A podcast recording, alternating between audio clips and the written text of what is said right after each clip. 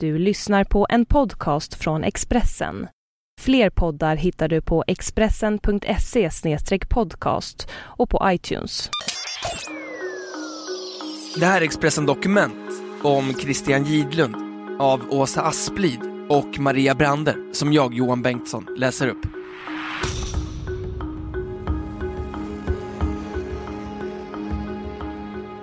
Han drömde om att bli krigsreporter i fjärran länder. Men det var kriget mot cancern som blev Christian Gidlunds arbetsfält. In i det sista kämpade han med att uppdatera sin sjukdomsblogg och förbereda nästa boksläpp. Här ger familj och nära vänner sin bild av en älskad son, arbetskamrat och bästa kompis.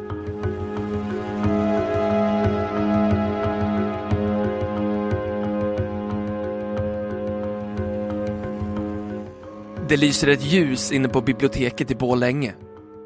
Bredvid står ett fotografi av författaren, journalisten och musikern Christian Gidlund, 29. Hans hemort var höljd i en slöja av sorg och vemod igår. Sen han förlorat kampen mot cancern och avlidit i sitt barndomshem i tisdags eftermiddag. Dödsfallet var väntat. Det ofattbara beskedet att cancern var obotlig kom redan 4 september förra året. Vännen och Sugarplum Ferry-kollegan Carl Norén kommer ihåg dagen. När Christian sa till oss att han hade fått sjukdomen igen, då blev vi inställda på att det skulle bli på det här sättet. Men vi gav aldrig upp hoppet om att det skulle bli bra, säger han. Han och Christian bodde grannar och växte upp tillsammans. Två blyga pojkar i blonda popfrisyrer som delade allt och var oskiljaktiga från den dagen de blev klasskamrater i årskurs 7. Drömde och fantiserade om framtiden, läste poesi och spelade musik tillsammans. Senare blev de hyllade musiker, åkte på turné och delade lägenhet. Vi hittade varandra genom ett intresse för musik och skönhet och natur och romantik och nyfikenhet, säger Carl Norén. Sommaren 1998 hade vännerna precis startat bandet Sugarplum Fairy. De var upprymda av ungdomligt självförtroende när de rasade in i musikaffären Drumcenter i Borlänge och talade om turnébussar och spelningar.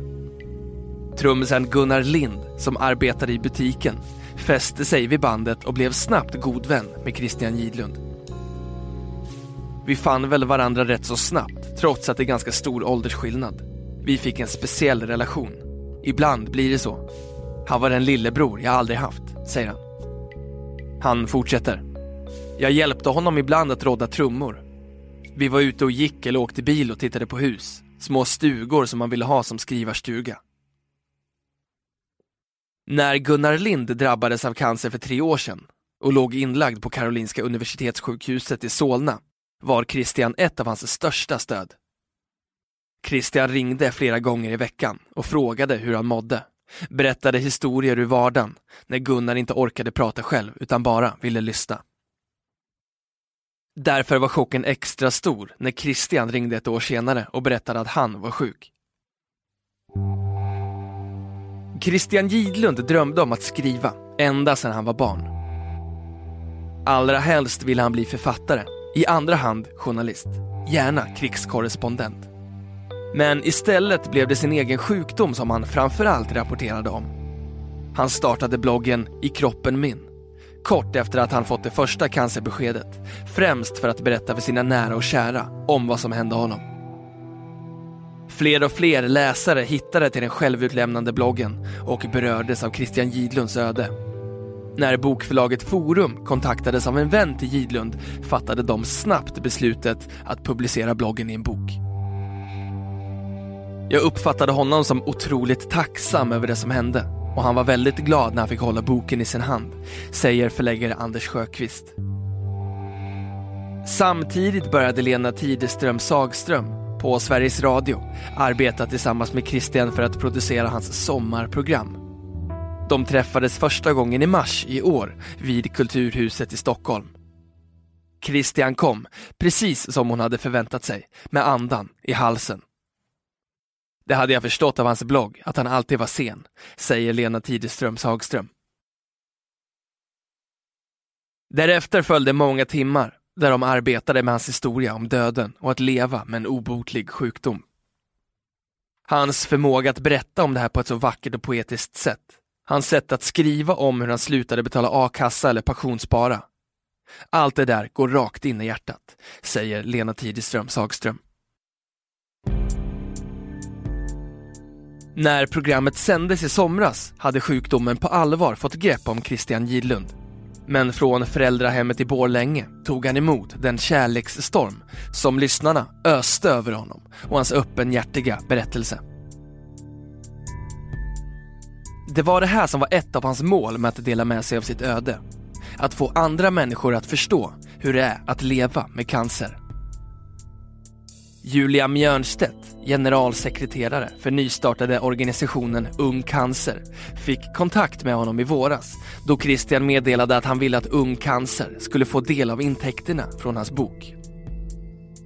Vår inställning till cancer är ju fuck cancer och det tyckte han var väldigt bra. Han ville inte att folk skulle se honom som ett offer utan att de såg honom som en hjälte, säger hon. Bloggen I kroppen min betyder mycket för organisationens medlemmar och de känner igen sig i Christians upplevelser av sjukdomen och får tröst av hans historia. De sista månaderna var en kamp mot klockan för Christian Gidlund. Han ville uppleva en sommar till, hinna få ytterligare några minnen av nära och kära, beta av punkterna på listan över saker han skulle göra innan livet tog slut. Han var tillbaka i sitt barndomshem i Borlänge. Tog emot vänner på besök när han orkade. Talade om saker som inte hade med sjukdomen att göra. I slutet av augusti tvingades Christian och hans vänner att inse att den planerade spelningen med Sugarplum Fairy inte gick att genomföra. Men han fortsatte ändå att uppdatera sin blogg, även om inläggen kom mer och mer sällan och var allt kortare. Han har velat hjälpa andra med att göra det här.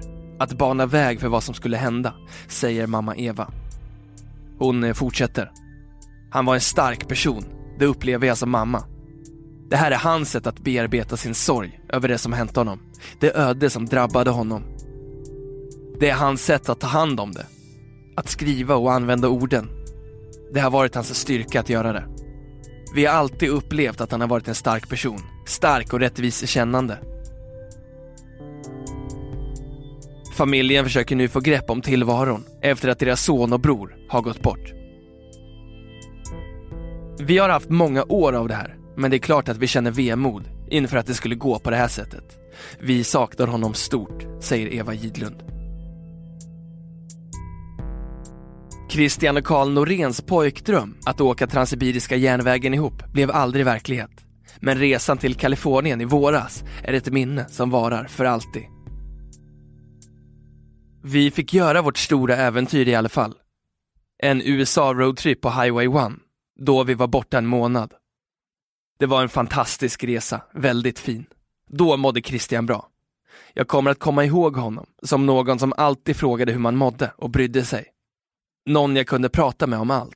En god människa och min bästa kompis, säger Karl Norén.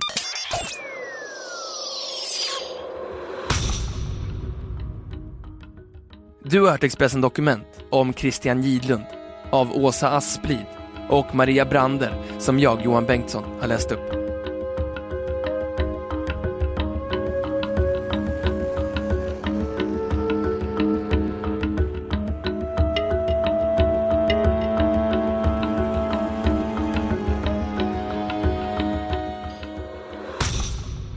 Du har lyssnat på en podcast från Expressen. Ansvarig utgivare är Thomas Mattsson. Fler poddar finns på Expressen.se och på iTunes. Ett poddtips från Podplay. I fallen jag aldrig glömmer djupdyker Hasse Aro i arbetet bakom några av Sveriges mest uppseendeväckande brottsutredningar. Går vi in med hemlig telefonavlyssning och, och då upplever vi att vi får en total förändring av hans beteende. Vad är det som händer nu? Vem är det som läcker?